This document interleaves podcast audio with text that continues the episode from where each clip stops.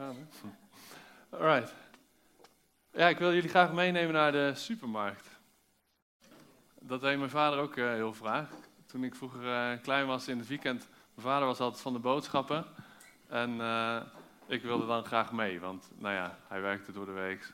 En dan s'avonds, avonds, nou ja, dan had je nog een uurtje en dan ging ik alweer een bedje in.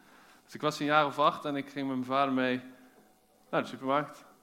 En er was zo'n nieuwe supermarkt bij ons in de buurt. Waar je altijd van die lange rijen hebt. Zo'n Duitse goedkope keten. Nou, die. Um, volgens mij was het die winkel, dat weet ik niet meer precies. Van deze hele herinnering heb ik één ding wat er heel erg uitspreekt. Die ga, springt, die ga ik zo wel noemen. We waren in de, in de Aldi en ja, daar heb je van die lange rijen. Ik heb het gevoel dat ik een beetje galm. Nou ja, ik ga gewoon doorpraten had je van die lange rijen. En ja, wat is dan handig voor mijn vader, hè, tijd efficiënt, zaterdag druk. Uh, zet alvast je kind in de rij. Ga zelf de boodschapjes, uh, de laatste er nog even zo bij uh, doen. Dus ik stond in de rij en ik dacht, nou, oké, dit kan ik, ik ben acht. Toen dan moest ik nog zo doen voor een karretje, dat is inmiddels anders. En um, ja, ik had altijd een goede band met mijn vader. Hè? Dus even eh, om de, de ground rules uh, even te zetten. Hij zorgde goed voor me. Ik wist dat hij te vertrouwen was. Ik uh, was graag bij hem in de buurt. Um, dat was goed. En mijn vader die was al een keertje bij de wc-rollen geweest. Die waren dichtbij en die had hij er al ingezet. En nu, alleen ja, daarna was hij verdwenen. En dat is wat me nog heel erg bijstaat aan die herinnering. Ik stond daar het is best een overzichtelijke winkel, want ze hebben allemaal van die lage uh, schappen, hè? in ieder geval deel bij de kassa. Dus, en daar kon ik net overheen kijken. Niks. Dat is ook wel vreemd, want bij de hoge schappen waren we al geweest, want daar lag het brood en de melk en allemaal dat soort dingen. Waar was die? En die band komt natuurlijk, kijk in het begin denk je, oh, komt goed. Maar ja, langzaam hè, die vrouw, bliep, bliep. en elke bliep werd ik ietsje zenuwachtiger en kwam het ietsje dichterbij het moment waarin ik flink in de problemen zou zijn. Dat was wel echt een heftig momentje. Er begonnen allerlei noodscenario's natuurlijk, door het hoofdje te spelen van uh, achtjarige ikke. Uh, het was heftig genoeg om nu nog te herinneren. Dus um, ja, geen geld. Misschien die paar, uh, paar centjes die ik misschien in mijn zak had, nou die gingen zeker niet afdoende zijn. Pinnen nou, mijn bankrekening die heb ik pas geopend toen ik 12 was, geloof ik. Dus dat, ook dat uh, zat er niet in. Wegrennen. Ja, dat is ook zo wat. Um, heleboel gedachten. En ik stond daar maar. En op een gegeven moment was ik zelfs aan de beurt om de spullen op de band te leggen. Nou, gelukkig wist ik wel hoe dat moest. Dat was me al wel eens uitgelegd. Zware spullen eerst, hè, eieren achteraan. Um, dus dat, uh, dat ging ik doen. Ja, maar dat gevoel, jongen. En uiteindelijk kwam die gewoon. En uh, ja, ik kan me meer eigenlijk ook niet zoveel van herinneren. Maar dat gevoel van, wow, ik hang hier, zeg maar. En nu, ja, ik kan dit echt niet zelf oplossen. Dat was nogal heftig. En uh, ja, het is grappig dat dat dan zo bijblijft. Maar het is ook wel iets waar ik in mijn persoonlijke leven vaak over na moet denken, dit gevoel. Ik herken dit gevoel ook nog best wel eens in andere situaties. Met name, nou, als mijn vertrouwen weer in het. Want daar, daar, daar gaat het om. Ik vertrouwde mijn vader, maar op het moment dat hij wegloopt en er even niet meer is en het niet meer gaat zoals ik had verwacht, dan wordt het spannend. Ik heb het ook in mijn leven met God. Ik weet echt wel dat hij vertrouwen, te vertrouwen is. Ik heb echt wel van die momenten met hem meegemaakt dat ik wist, oké, hij is er. Maar toch, mijn dagelijkse praktijk is soms heel anders. Er gaan allerlei gevoelens en daden door me heen. Gevoelens gaan door me heen en ik doe allerlei daden. En uh, ik vind het een spagaat. Ik herken het in mijn eigen leven en volgens mij ben ik niet de enige. Daarom dacht ik, uh, durf er wel wat over te zeggen. Maar dat is toch vreemd? Daar wil ik het graag vanochtend met, uh, met jullie over hebben. Niet omdat ik zo goed ben in God vertrouwen, um, maar omdat ik geloof dat God ons wil laten groeien in vertrouwen in Hem. Zodat we steeds meer van Hem kunnen ontdekken en gaan uitstralen. Nou, waar wilde ik het over hebben? Ik zal de onderste zelf wel even noemen. Deze dingen, wat is dat dan eigenlijk vertrouwen? Weten we allemaal wel, maar misschien goed om nog een keertje te zeggen. We hebben allemaal wel iets wat, wat je weet over God. wat ik net zei, ik weet dat, het, dat hij te vertrouwen is, maar toch. En waarom dan? Om meer van hem te kunnen zien en laten zien. Toch leef ik er niet naar en ik wil dat graag wel. Nou, wat is vertrouwen eigenlijk? Als ik in de Bijbel lees, dan kom ik twee dingen tegen. Twee soorten teksten. Oproepen, vertrouwen op God. En een soort van dingen waar ze ervan uitgaan dat je dat doet. Dat zie ik hier ook terug. Vertrouw op de Heer met heel je hart. Steun niet op je eigen zicht, inzicht. En die tweede is er zo eentje van, we gaan ervan uit dat je dat doet. De Bijbel maakt het niet heel concreet wat het is. Het is gewoon, moet je doen, of we gaan ervan uit dat je het doet. Dus ja, ik ben dan ook maar zo uh, geweest dat ik andere bronnen heb geraadpleegd. Ik dacht, nou ja, het moet ergens, uh, kunnen we het niet concreter maken? Nou, waar ga je dan naartoe als Nederlander als je de betekenis van een woord zoekt? Uh, Vandalen. In de Vandalen stond iets wat ik niet op mijn blaadje heb gezet, maar wel in de PowerPoint.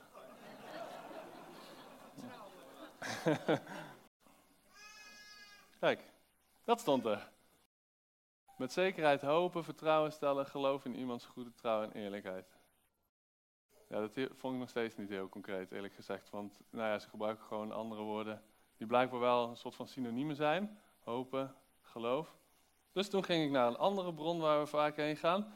Waarvan we niet met z'n allen zeggen dat die heel erg te vertrouwen is. Maar waar best vaak goede dingen op staan. Waar we ook allemaal wel van weten dat het best wel oké is. Wikipedia.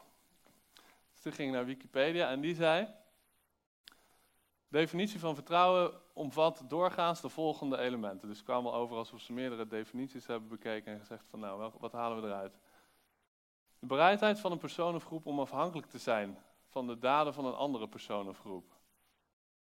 Uh, geloven dat een ander eerlijk is of dat iets goed zal gaan.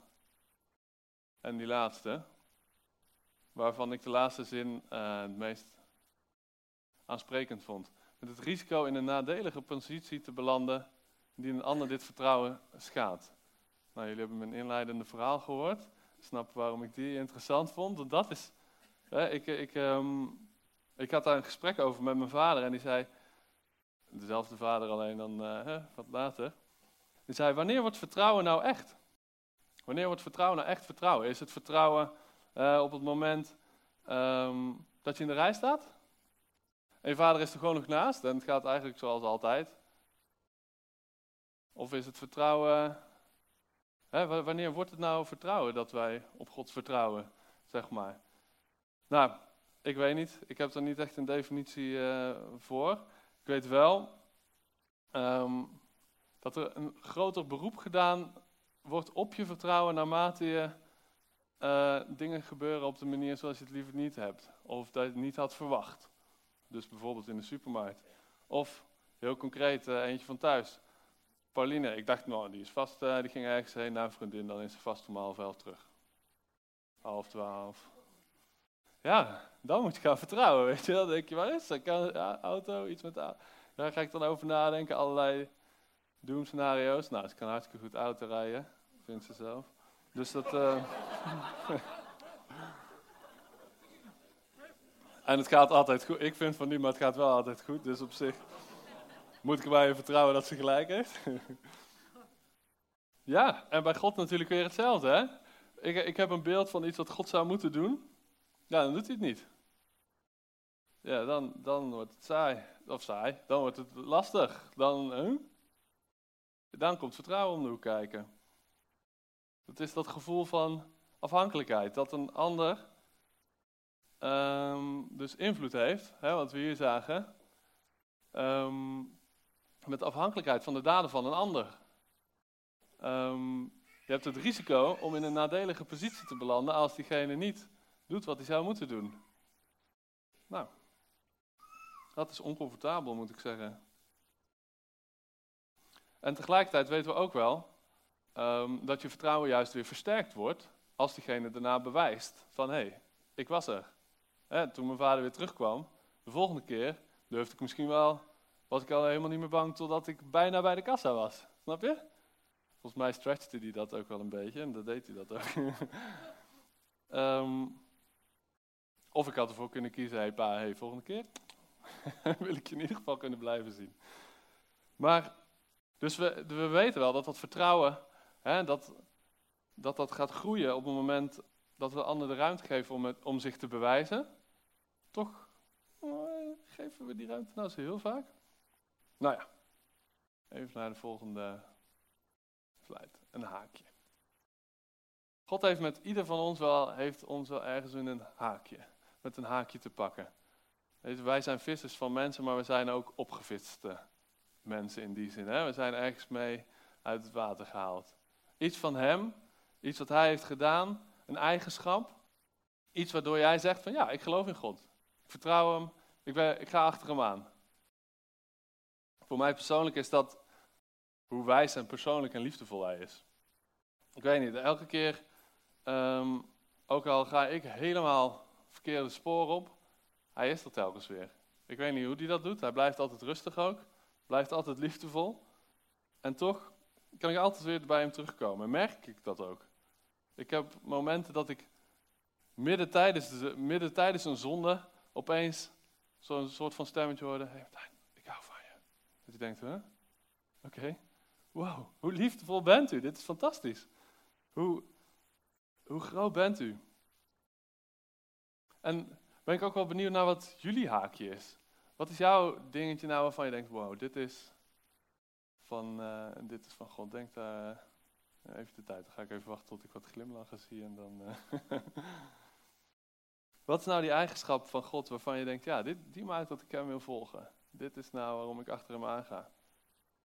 Dit is iets wat voor mij echt als een paal boven water staat als God. Of dit is het fundament waarop ik bouw. Bij hem. Misschien is het wel eventjes geleden dat je denkt, hé, hey, dat is lang geleden dat ik zo'n momentje met hem had. Of misschien heb je dat nog wel helemaal niet gehad. Dan zou ik zeggen, joh, heb eens de moed om wat jij vindt, wat hij dan zou moeten doen, los te laten. Geef hem eens de ruimte. En ik weet 100% zeker dat hij voor iedereen iets heeft. Uh, ik wil graag dat het op mijn manier is vaak, maar God mag het op allerlei manieren doen. Dus geef hem eens de ruimte om, om zich te laten zien. Misschien vandaag. Maar ja, het haakje, we hebben hem allemaal. Meeste. En die vraag stel ik natuurlijk niet zonder reden. Want we hebben allemaal die dingen van hem gekregen, maar toch lukt het niet echt, echt om daarop te vertrouwen. Ik denk niet dat er iemand hier is die kan zeggen, ja, dat doe ik, 100%, geen probleem. We hebben superveel van hem ontdekt, maar toch, nou, ik weet niet of we dat leven. En dat durf ik wel te zeggen, want ik weet van God, ik lees in de Bijbel dat hij, uh, staat dan in Efeze 3 vers 20, ruimschoots kan doen boven wat wij denken of beseffen. Oneindig veel meer dan wij kunnen vragen of denken. Hm, ik zat de andere vertaling in mijn hoofd. En als ik deze tekst in mijn hoofd heb, dan raak ik wel eens een beetje gefrustreerd. En dat is denk ik misschien wel de reden dat ik hier uh, er nu over sta te praten. Omdat dat is God. Hij is oneindig veel meer dan wij kunnen denken of beseffen. En dan kijk ik uh, om me heen. En dan denk ik over onze, alle dingen die we doen als kerk of als, ik als persoon. Dan denk ik, hoe vaak is dat nou boven wat ik had kunnen denken of beseffen? Wat ik had kunnen vragen aan hem, waarvoor ik heb gebeden. Ik ben wel blij als het is waarvoor ik had gebeden. En ja, ik denk dat we dat maar sporadisch meemaken. Omdat we er ook maar sporadisch op durven te vertrouwen. Ik denk dat we niet heel vaak die, dat oncomfortabele gevoel ook durven opzoeken. Of sterker nog, dat als het even kan, dat we de volgende keer als we met papa in de supermarkt zijn, zeggen: hey, uh, blijf eens naast me staan. Ja, ik ga niet meer weglopen, want het was verschrikkelijk oncomfortabel vorige keer. En nu uh, wil ik je zicht hebben. Of ik wil een helium, heliumballonnetje aan je rugzak of zo. Maar we gaan dat even oplossen, dat we dat niet nog een keer voelen. En dat is gek. Je zou eigenlijk kunnen zeggen dat we een soort van uh, vijf sterren cuisine experience qua eten uh, met God hebben gehad. Iets, een eigenschap met Hem. Iets hemels. We hebben iets geproefd in onze dagelijkse praktijk. Uh, en toch is onze dagelijkse praktijk is, wat op de volgende slide staat. Waarom, wat is dat dan dat we dan settelen? En ik zie wat, wat, wat, wat, wat gezichten die met um, een pijnlijke blik van ja, het is al zo, maar ja, jongen. Weet je, dus begrijp me niet verkeerd, het is geen aanklacht of zo. Ik sta hier niet te verkondigen dat ik dit heel goed kan, sterker nog uh, niet. het is meer een oproep. Ik denk dat we zoveel van God kunnen en mogen ontdekken. En ik denk dat vertrouwen in Hem een sleutel is om dat actief te doen. Ja, en hoe kan dat eruit zien? Weet ik niet, ik heb allerlei kleine voorbeeldjes van hoe dat zou kunnen. Een voorbeeldje kan zijn, wat ik een leuk voorbeeldje vind uit mijn eigen leven is, toen Pauline en ik gingen trouwen, vonden we het fijn om te merken van, hé, hey, God is hierin, weet je wel. Dit is zijn plan, het is toch best wel een commitment. En ja, nou ja, het was eigenlijk redelijk logisch dat het, uh, dat het van hem was, uh, als ik het zo zag. Maar toch, het is wel fijn om die bevestiging af en toe te hebben, behalve binnen uh, wat, wat de vlindertjes allemaal roepen. Um, dus we wilden graag een bijbeltekst uitzoeken voor, op onze uitnodiging. Want ja, dat doe je als christen die een uitnodiging stuurt voor je bruiloft. en um, ja, het zou natuurlijk tof zijn om in die tekst iets van hem te hebben, maar ook iets van ons verlangen nou ja, daar waren we zo over aan het praten en toen kreeg ik het idee van, weet je wat we doen? We gaan er allebei voor bidden. We gaan allebei op zoek. En dan vragen we aan God. En dan als het van hem is, dan komen we op hetzelfde. Nou, match. En um, een beetje spannend natuurlijk, hè? Want er kunnen twee dingen gebeuren. Of je hebt hetzelfde, of je hebt niet hetzelfde. nou, uiteindelijk was Pauline, die was bij een, dat vond ik ook leuk aan dit moment. Het was niet zo heel geestelijk, we waren niet echt super op zoek gegaan. Ik had een, een tekst in mijn gedachten die ik gewoon heel leuk vond, die vond ik eigenlijk altijd al leuk. Pauline, die had een tekst, die kwam op een gegeven moment, ja, ja, ik ben er niet echt mee bezig geweest, maar er was gisteren wel, uh, noemde een vriendin een tekst, en die was echt, uh, ja, die sprak me wel aan. En dat was um, Psalm 36, vers 10. Ik oh, nou, die had ik ook. Dus nou ja, dat was, we waren niet zo super geestelijk aan het vasten en zo geweest. Dat helemaal niet eigenlijk. Maar het was wel een match. Ja, was toch leuk? En het was een fijne bevestiging. Een soort van klein dingetje van God. Waarin hij liet zien van, hé, hey, weet je wel? En um, ik zou er niet gelijk een heel huwelijk op baseren hoor. Als je dan verder geen gevoelens hebt.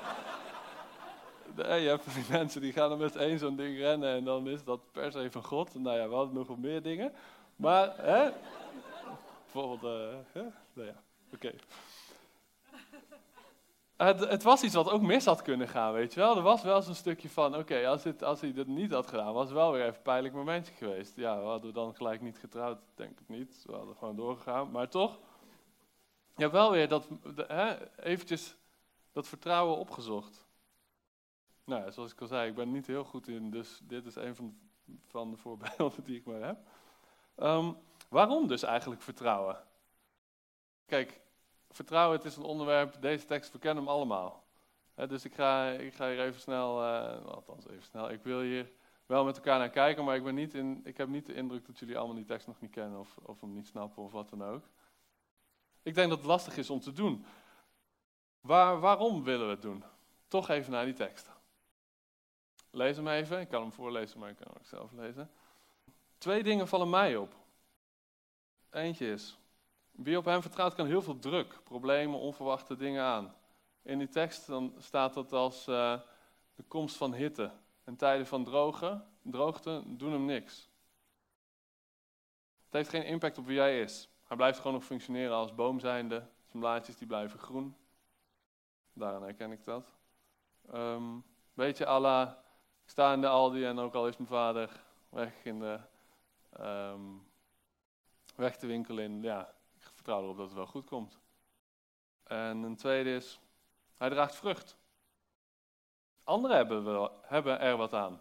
Dus mijn vertrouwen is niet alleen voor mezelf, zodat ik me lekker voel omdat ik u lekker blaadjes.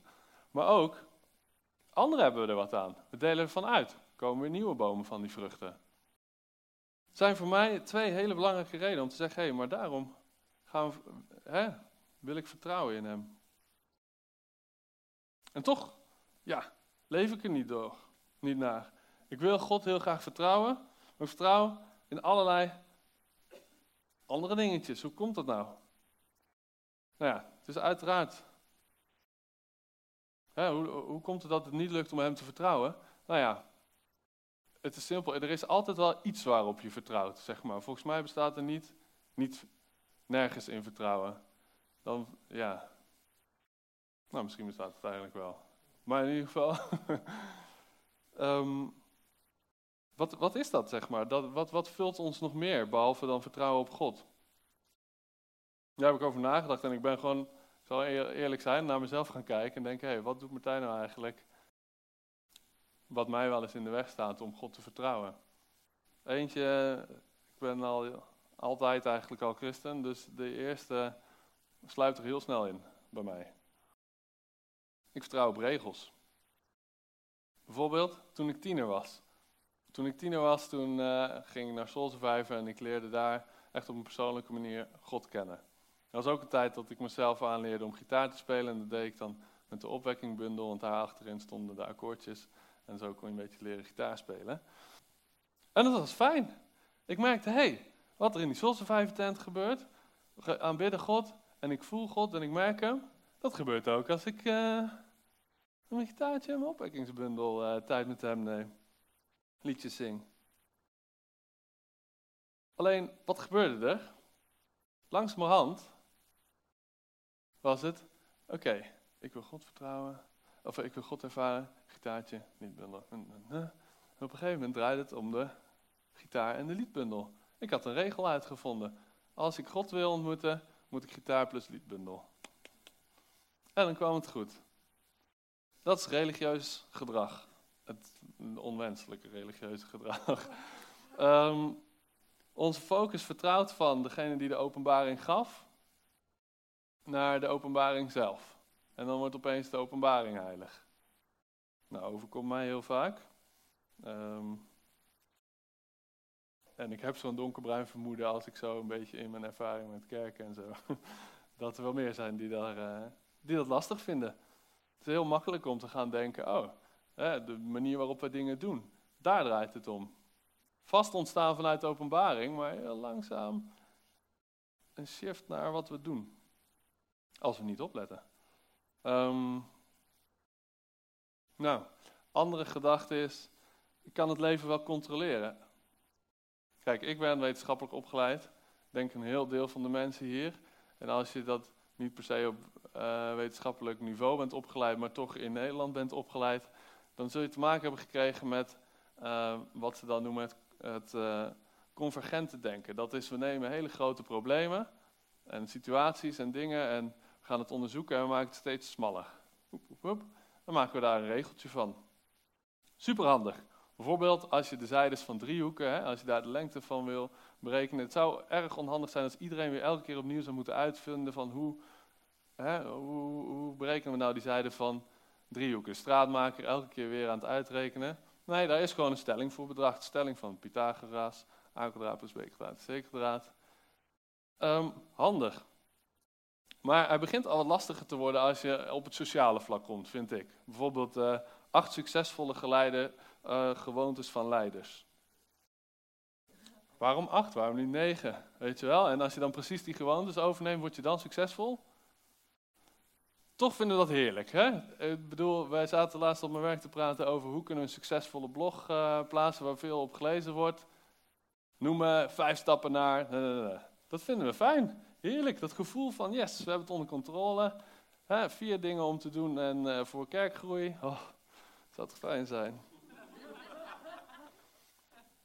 maar ja, laten we eerlijk wezen. We weten allemaal, het werkt gewoon niet zo. Toch is het heerlijk om, om dat te denken, ook in je eigen leven. Weet je wel, als ik nou zorg voor een gezonde balans tussen gezond eten, sporten, stille tijd, uh, en nog een paar dingen, nou dan, dan gaat het goed. Ja, het is niet slecht om gezond eten, hè? nee, het is gezond. Maar het is wel een vormpje van schijncontrole. En um, Tuurlijk kunnen we onze gezondheid beïnvloeden met ons gedrag, maar we kunnen onze gezondheid niet bepalen. Dat hebben we niet in de hand. En ik denk dat dit gevoel van controle, eigenlijk deze schijncontrole, ons in de weg kan staan om God te vertrouwen. Nou, anderen, ik ben rijk en comfortabel. Waarom zou ik eigenlijk God vertrouwen? Ik zit hier toch super chill. Waarin moet ik hem nog uh, Weet je, de supermarkt, alles gaat goed. In de Bijbel een leuk voorbeeld daarvan, de rijke jongeling. Ik ga hem niet helemaal uitspitten, want we kennen hem allemaal wel. Maar jongen, die had het allemaal voor elkaar. Hij had geld, hij hield zich heel netjes aan de wet. Ehm, hij vroeg aan Jezus, wat voor goeds moet ik nog doen om in de hemel te komen? Een soort van zijn laatste treetje en dan was hij er echt helemaal of zo. En Jezus prikte daar doorheen. Hij zegt, joh, voor die rijke mensen, hij vroeg hem van, joh, nou, verkoop al je bezittingen en... Nou, kom ik weer met mijn convergente denken, denk, oh, moet ik allemaal bezittingen verkopen om in de hemel te komen? Nou, weet je, jongens, we hoeven niet overal een regeltje van te maken. Um, Jezus denkt dat het maakt een duidelijk punt van, jongens, het is lastig om als je rijk bent de hemel in te komen. Uh, en ik denk dat het primair met vertrouwen te maken heeft. Um, we hebben zo weinig situaties waarin we het nodig hebben, althans dat denken we, om God te vertrouwen. Op de een of andere manier vinden wij het lastiger om op God te vertrouwen dan mensen, eh, christenen in gebieden waar armoede is of waar vervolging is. Althans, dat heb ik. Als ik dan die verhalen hoor van mensen uit dat soort gebieden, denk ik, wow. En soms geeft het leven gewoon tegenslagen. Dat is ook een reden om te zeggen van, waarom leef ik niet in vertrouwen? Dan krijg je die momentjes, kijk wat ik noemde in de, mijn momentje met mijn vader in de Aldi. Dat is op de schaal van tegenslagen, van heel erg naar niet erg. Zit heel erg aan de niet erg kant, zeg maar. En tegenslagen zijn er gewoon. Die doen ons een enorm beroep op ons vertrouwen op God. Het feit dat ze er überhaupt zijn, doet al een beroep op ons vertrouwen op God. Dat hoor je zo vaak. Als God er is, waarom dan? Nou, laten we in ieder geval concluderen dat God heeft niet beloofd dat ze er niet zouden zijn. Uh, sterker nog, hij heeft, geeft het van tevoren al als boodschap mee. Jezus zegt dat in ieder geval. Jullie zullen het zwaar te verduren krijgen. En in Jezaja staat, uh, vond ik ook een hele mooie tekst. Moet je door het water gaan? Ik ben bij of door rivieren, je wordt niet meegesleurd. Uh, moet je door het vuur gaan? Waarom moet ik door het vuur gaan? Waarom mag ik niet gewoon om het vuur heen gaan? Ik hou helemaal niet van vuur. Als iemand zegt, je, je moet door rivieren, maar je zal niet meegesleurd worden. Waarom zegt hij, je zal niet meegesleurd worden? Dat geeft me dan het gevoel dat er best wel een hele reële kans is dat ik meegesleurd ga worden, weet je wel. Dan denk je, oh, niet meegesleurd worden, waarom niet? Ja, het is er gewoon. Dat gevoel zal er zijn, zeg maar, in ons leven met God. En soms zijn ze heel groot en heftig. Wat er in Barcelona is gebeurd, of gewoon iemand uh, heel dichtbij, een jonge, uh, jong iemand, waar een collega over vertelde, die ernstig ziek is. Heeft een jong gezin en komt waarschijnlijk binnenkort te overlijden. Ja. Kijk, het liefst denk ik gewoon helemaal niet over na. Ga ik dat liever loop ik om dat vuur heen. Wil ik gewoon niet dat conflict tussen, oké, God, u bent dat en waarom gebeurt dit, aangaan. En soms zijn er hele kleine tegenslagen. Uh, we zijn thuis aan het verbouwen. En uh, ik bid daarvoor, hè, natuurlijk. Heer, wilt u zorgen dat alles goed gaat. En wat denk je? Ging niet goed. ik ging een waterleiding installeren. En het ging niet goed. En uh, ja, dat gaf teleurstelling. Sterker nog, ik was er echt kwaad om op God, heel erg. ik dacht, nee, waarom? Kom op. Dit is, weet je wel, dan lig je daar onder de vloer van je huis zo hoog. Eh, en een straal water in je gezicht. Ja. Maar ja, aan de andere kant, misschien had hij wel een plan, weet je wel. Dan moet je dan op een gegeven moment zeggen, oké, wacht even. Heer. Volgens mij u, is, is er wat meer dat u heeft dan alleen maar fixen dat mijn status quo gehandhaafd blijft. Dat ik lekker nooit problemen heb. Maar ik moet zeggen, ik heb er een hoop van geleerd van die straalwater in mijn gezicht. Bijvoorbeeld het gebruiksaanwijzing lezen van die koppelingetjes. en gewoon überhaupt als je een klus gaat doen, eerst even goed inlezen. Kijk, tijdens tegenslagen merk je dus hoe het gesteld is. Hè? Het is een soort van indicator van wat, wat doet mijn vertrouwen. Um, zeg maar, jouw reactie op zo'n tegenslag, dat laat wat zien van, hé, hey, wat, wat zit er nou diep van binnen? Hè? Ze zeggen dan wel eens, onder druk komt eruit wat erin zit. Nou, onder waterdruk ook. nou, wat voor, wat voor wat voor soort reacties hebben we dan? Ja, doe ik het zelf wel, weet je. Heer, als u het niet fixt, ja, dan heel boos aan het lijnen repareren. Of, hè, dat is dan een klein voorbeeldje. Of, ehm, nou, God geneest iemand niet. Ja, nou ja, uh, dan, uh, ja, laat maar zitten. Of, um, nou, we kunnen boos worden. Kijk, boosheid, massa, ik vind een logische reactie soms, hè? Dat je even boos bent. En ik heb God ook nog nooit meegemaakt dat hij dacht, ik kan er niet mee handelen dat je boos bent. Um, maar het is wel een soort van indicatie van, hé, hey, ik vind het oneerlijk wat hier gebeurt. Dit had anders moeten gebeuren, God. En als het een indicatie is van, oké, ik moet even shiften naar, wat, hè, wat bent u van plan? en naar, oké, Heer, ik vertrouw wat u hierin doet. Als je erin blijft steken, denk ik dat je misschien een issue hebt met vertrouwen op, oké, God, u bent groter dan deze situatie. Angst, nou, ik vertrouw even helemaal niks meer. um, of denk ik, ik ben ook waardeloos. Ik kan ook nooit waterleiding, ik stop ermee. Um, ik ren niet van weg. Ik vertrouw eigenlijk niet dat God sterker genoeg is om ondanks mijn zwakte hier toch iets van te maken. Ja, ik wil het eigenlijk wel. We hebben allemaal dat haakje. En uh, we hebben allemaal dat ding van God meegemaakt dat we denken, ja, maar ik wil wel op Hem vertrouwen. Hoe doe ik dat dan? Nou, ja, kijk, in mijn verhaal in de supermarkt, uiteindelijk dacht ik, Martijn, kom op. Weet je wel, doe niet zo gek, hij komt vast wel. En hij kwam ook gewoon. Um, maar dat geldt natuurlijk niet altijd. Voorlopig zitten wij nog in een soort van spanning tussen wat we weten wie hij is en onze praktijk. En um, dat kan best wel eens oncomfortabel zijn. En het oefent ons om te vertrouwen.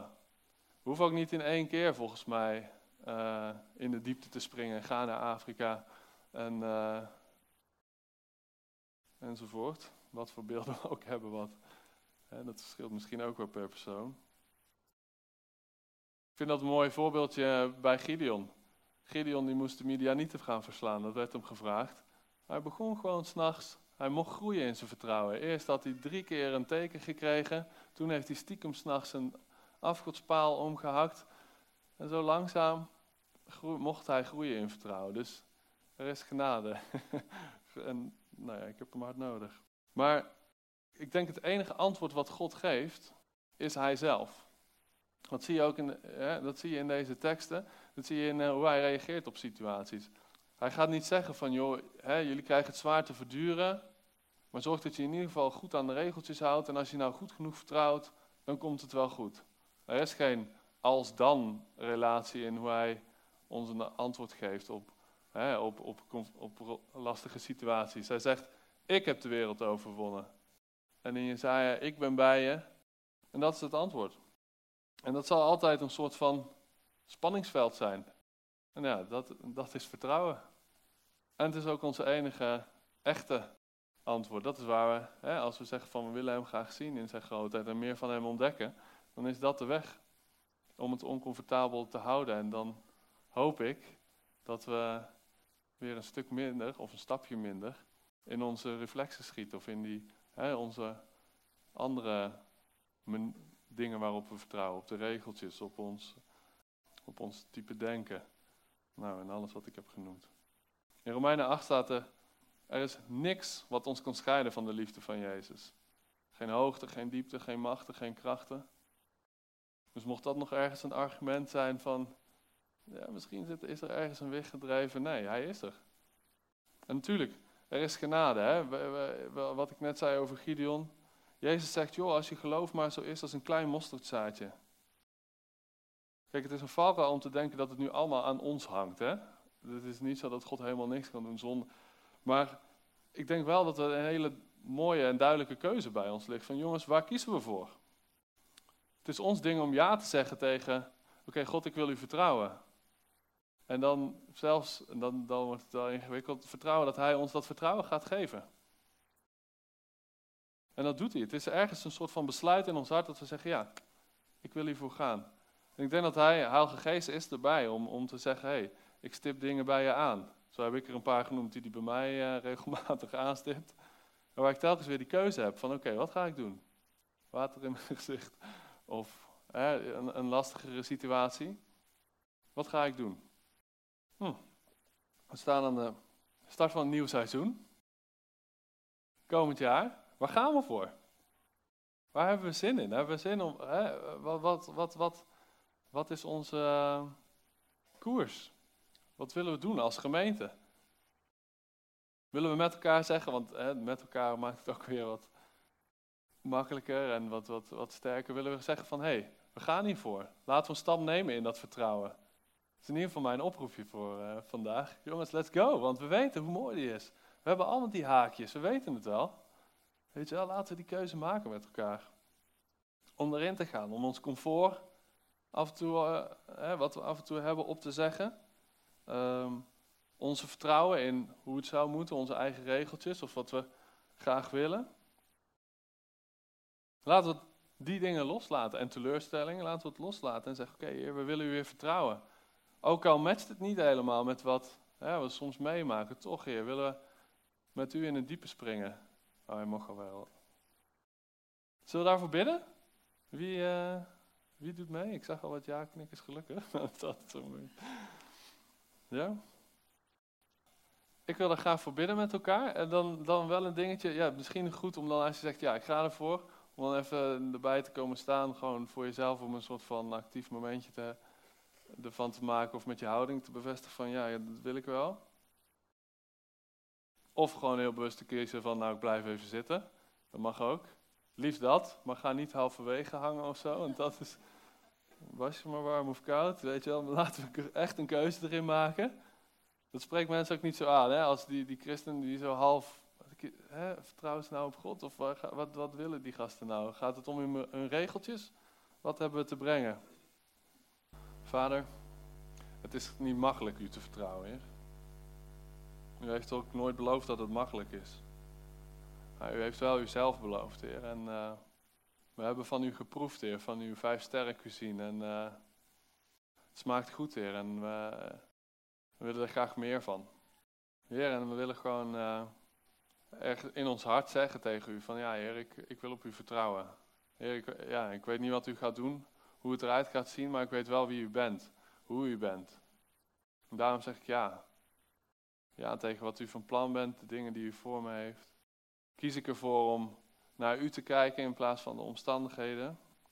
Kies ik ervoor om te zeggen, mijn comfort is niet prioriteit 1, maar u bent prioriteit 1. Wil ik een poging doen om mijn eigen regels los te laten en zeggen, teleurstelling of wat dan ook. En zeggen, ja hier, kom maar. Het is oké als u dingen doet of dingen van ons vraagt waarvan er een risico is dat het misgaat. Heer, en uh, ja, ik bid dat u ons zo zegent, Heer, met elkaar. Heer, als gemeente en gewoon als persoon, als individuen en uh, in ons dagelijks leven, om te durven. Om die keuze te nemen telkens weer en dan weer dat risico te durven aangaan van oké, misschien niet zo comfortabel, maar ik kies ervoor om hem te vertrouwen nu. En het lijkt me best wel leuk om met elkaar de afspraak te maken. Ook even als gemeente, hè, wij als gemeente samen. Aan het begin van het nieuwe jaar. Om te zeggen, joh, in je taakteam of in je kring of in je, waar je ook dingen doet binnen de gemeente zullen het een beetje stretchen bij elkaar of zo, weet je wel? Af en toe is, zoals uh, Pauline en ik, uh, eventjes zo'n dingetje opzoeken van als God het dan niet ons niet helpt of zo, dat het dan ook misgaat. Dat het dan echt een beetje oncomfortabel wordt. Zullen we dat doen? Gewoon als je het plan bedenkt voor het nieuwe seizoen. je bent je kinderdienst aan het voorbereiden of je, je, je, je aanbiddingsmoment. Dat we momenten kunnen creëren waarin God kan laten zien dat Hij God is.